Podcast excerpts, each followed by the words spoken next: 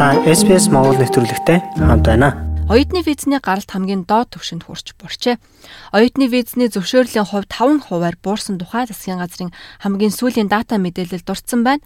Энэ нэтхэг Непал, Пакистан зэрэг орны оюутнуудад хамгийн их татгалзжээ. SPS A World of Difference. Сүүлийн 20 жилийн хугацаанд байгаагүй хамгийн их визний татгалзлыг өгчээ. Тодруулж зарим нэг тоо баримтыг энд дурдъя.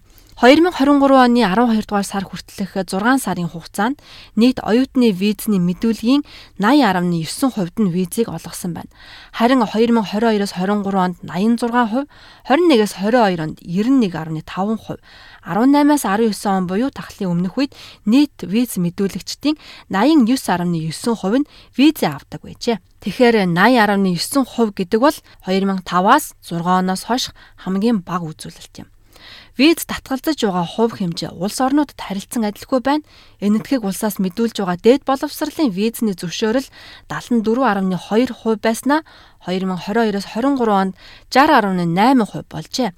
Харин Непал улсаас мэдүүлж байгаа визний 65.2%-ыг зөвшөөрдөг байснаа 47.8%-д нь л визийг олгож байна. Бид ийм хэмжээний оюутнуудаас хизээч татгалзаж байгаагүй гэж цагаачлалын албаны дид нарийн бичгийн дарга асан Абул Ризве ярьсан юм а. Засгийн газар 12 дугаар сард цагаачлалын шинэ стратеги танилцуулж шийдэл хөдөлгөөнийг тахлын өмнөх төвшөнд хүрэхээр зорилт тавьсан нь визний олголт бууруулах байх гэсэн таамагт хүргэж байсан тухай тэр ярьсан юм а. Тэд оюутнуудыг анхааралтай авсан байна. Учир нь оюутнууд цэвэр шилжилт хөдөлгөөнд хамгийн их хувь нэмэр оруулдаг гэж тэр ярьлаа. Олон улсын оюутнууд болон боловсролын үйлчилгээ үзүүлэгчдийн стандартыг дэвшлүүлэх стратегийн хүрээнд англи хэлний болон жинхэнэ оюутны шаардлага зэрэг багц өөрчлөлтүүдийг оруулахаа зарласан. Тэгвэл виз боловсруулах систем хэрхэн ажилладаг вэ? Виз боловсруулах тухай ярихад Резви засгийн газрын бүх үйлчилгээ үзүүлэгчдийн дунд эрсдлийн үнэлгээний системийг ашигладаг хэмээн ярьсан юм. Австралийн дээд зэрэглэлийн ихтэй сургуулиуд эрсдэл багтаа байх хандлагатай байдаг. Учир нь тэд элсүүлж байгаа оюутнуудын ихэнх нь жинхэнэ оюутнууд байдаг бөгөөд худал мэдүүлгийн төвшин харьцангуй бага байдаг юм гэж тэр ярьсан юм а. Харин бусад үйлчилгээ үзүүлэгчид худал мэдээлэл өгөх, дагаж мөрдөхгүй байх зэрэг асуудал ихэвчлэн гардаг оюутнуудыг авах хандлагатай байдаг бөгөөд үүний үр дүнд тэд өндөр эрсдэлтэй гэсэн үнэлгээ авдаг юм. Энэ нь тэдний өргөдлийг илүү нямбай шалгадаг гэсэн үг юм. 12 дугаар сарын 14-нд дотоод хэргийн сайд Клэр Онел оюутны асран хамгаалагч 590 болон офшор оюутны 500 визний мэдүүлгийг нэн тэргуунд шийдвэрлэх сайдын тушаалд гар үсэг зурсан. Энэ нь эрсдэл багтаа сургуульд боловсрал эзэмшихийг хүссэн оюутнуудад давуу эрх олгоно гэсэн үг юм. Хичнээн оюутанд виз олгосон байна. Ресвигийн хэлснээр 2023 оны 12 дугаар сарын тоо баримтаас харахад оюутны визний өргөдлийн хэмжээ дээд түвшинд хүрсэн хэвээрээ байна. Зөвхөн визний зөвшөөрөх хэмжээл буурсан гэлээ. Маш олон визний өргөдөл ирсээр байгаа бөгөөд засгийн газар одоо үнийг хяналтандаа байлгах гэж оролдож байна хэмээн тэд ярьлаа.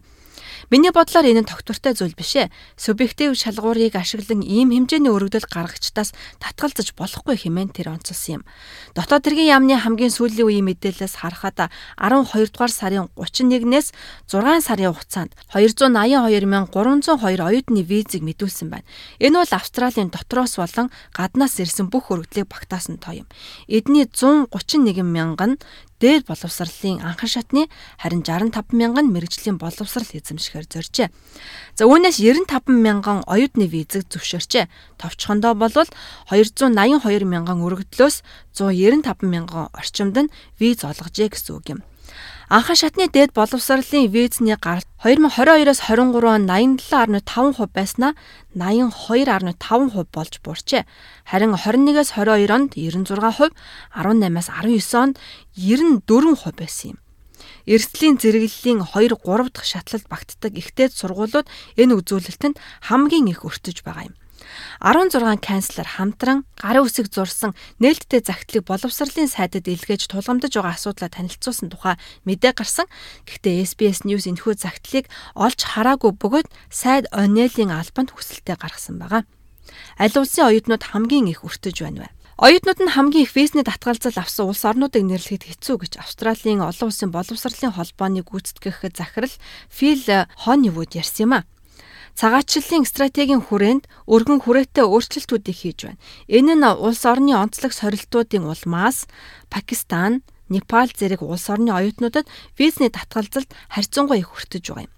Хамгийн сүүлийн үеийн мэдээллээр энэтхгээс мэдүүлж байгаа дээд боловсрал эзэмших хүсэлтийн 60.8% нь сүүлийн 6 сард батлагдсан. Энэ нь 2022-оос 23 онд 74.2%, харин 21-с 22 онд 84.6% байсан бол 18-аас 19 онд 85% нь зөвшөөрдөг байсан юм. За бал буюу Непалаас дээд боловсролын оюутнуудад олгох визний зөвшөөрлийн хувь хэмжээ 2022-оос 23 онд 65.2% байсан бол сүүлийн 6 сард 47.8% болон буурчээ. Пакистаны оюутнуудын хувьд энэ нь 66.3-аас 62.6% болон буурсан байна. Үүний зэрэгцээ Хятадын ихтэй сургуулийн оюутнуудын офшор дээд боловсролын виз олгосон хувь тогтвортой буюу 97% та хэвээрээ байна. Хамгийн олон гадаад оюутантай мужи болох New South Wales хятадууд хамгийн олуулаа дараа нь Непал, Энэтхэг орсон гэж өвөд ярьсан юм а. Энэтхэг хятад хоёр улс 1.4 тэрбум гарын хүн амтай бол Непал, Австралитай ойролцоо буюу 27 сая хүн амтай. Австралид Бангладеш, Бутан, Энэтхэг Малдив, Непал, Пакистан, Шри-Ланк зэрэг Энэтхэгийн хойгоос оюутнууд олноор шилжин ирж байна. Вьетнам, Малайз улсууд визний асуудал удаашралтай орнуудын тоонд багтаж байгааг хойны өвөд боловсрлоо. Сүүлийн хэдэн 7 хоногт нэлээд олон хятад оюутнуудын визэн татгалзаагүйч хоошосоор байгаа. Энэ нь тэд нэгдүгээр семестртээ суух боломжгүй болгож байгаа тухайд би сонслоо хэмээн тэр ярьсан юм. Оюутны визний хөтөлбөр хэрэгжүүлэхэд ялгуурлан гадуурхалт байхгүй гэж дотоод хэргийн яамны хэвлийн төлөөлөгч мэдгдсэн. Тэд оюутны виз мэдүүлэгчдийг Австралийн цагаачлалын хууль тогтоомжид заасан зохицуулалтын шалгуурын дагуу бие даасан байдлаар нь үнэлдэг бөгөөд гол шалгуур нь өргөдөл гаргагч нь жинхэнэ оюутан байх явдал юм хэмээн онцоллоо.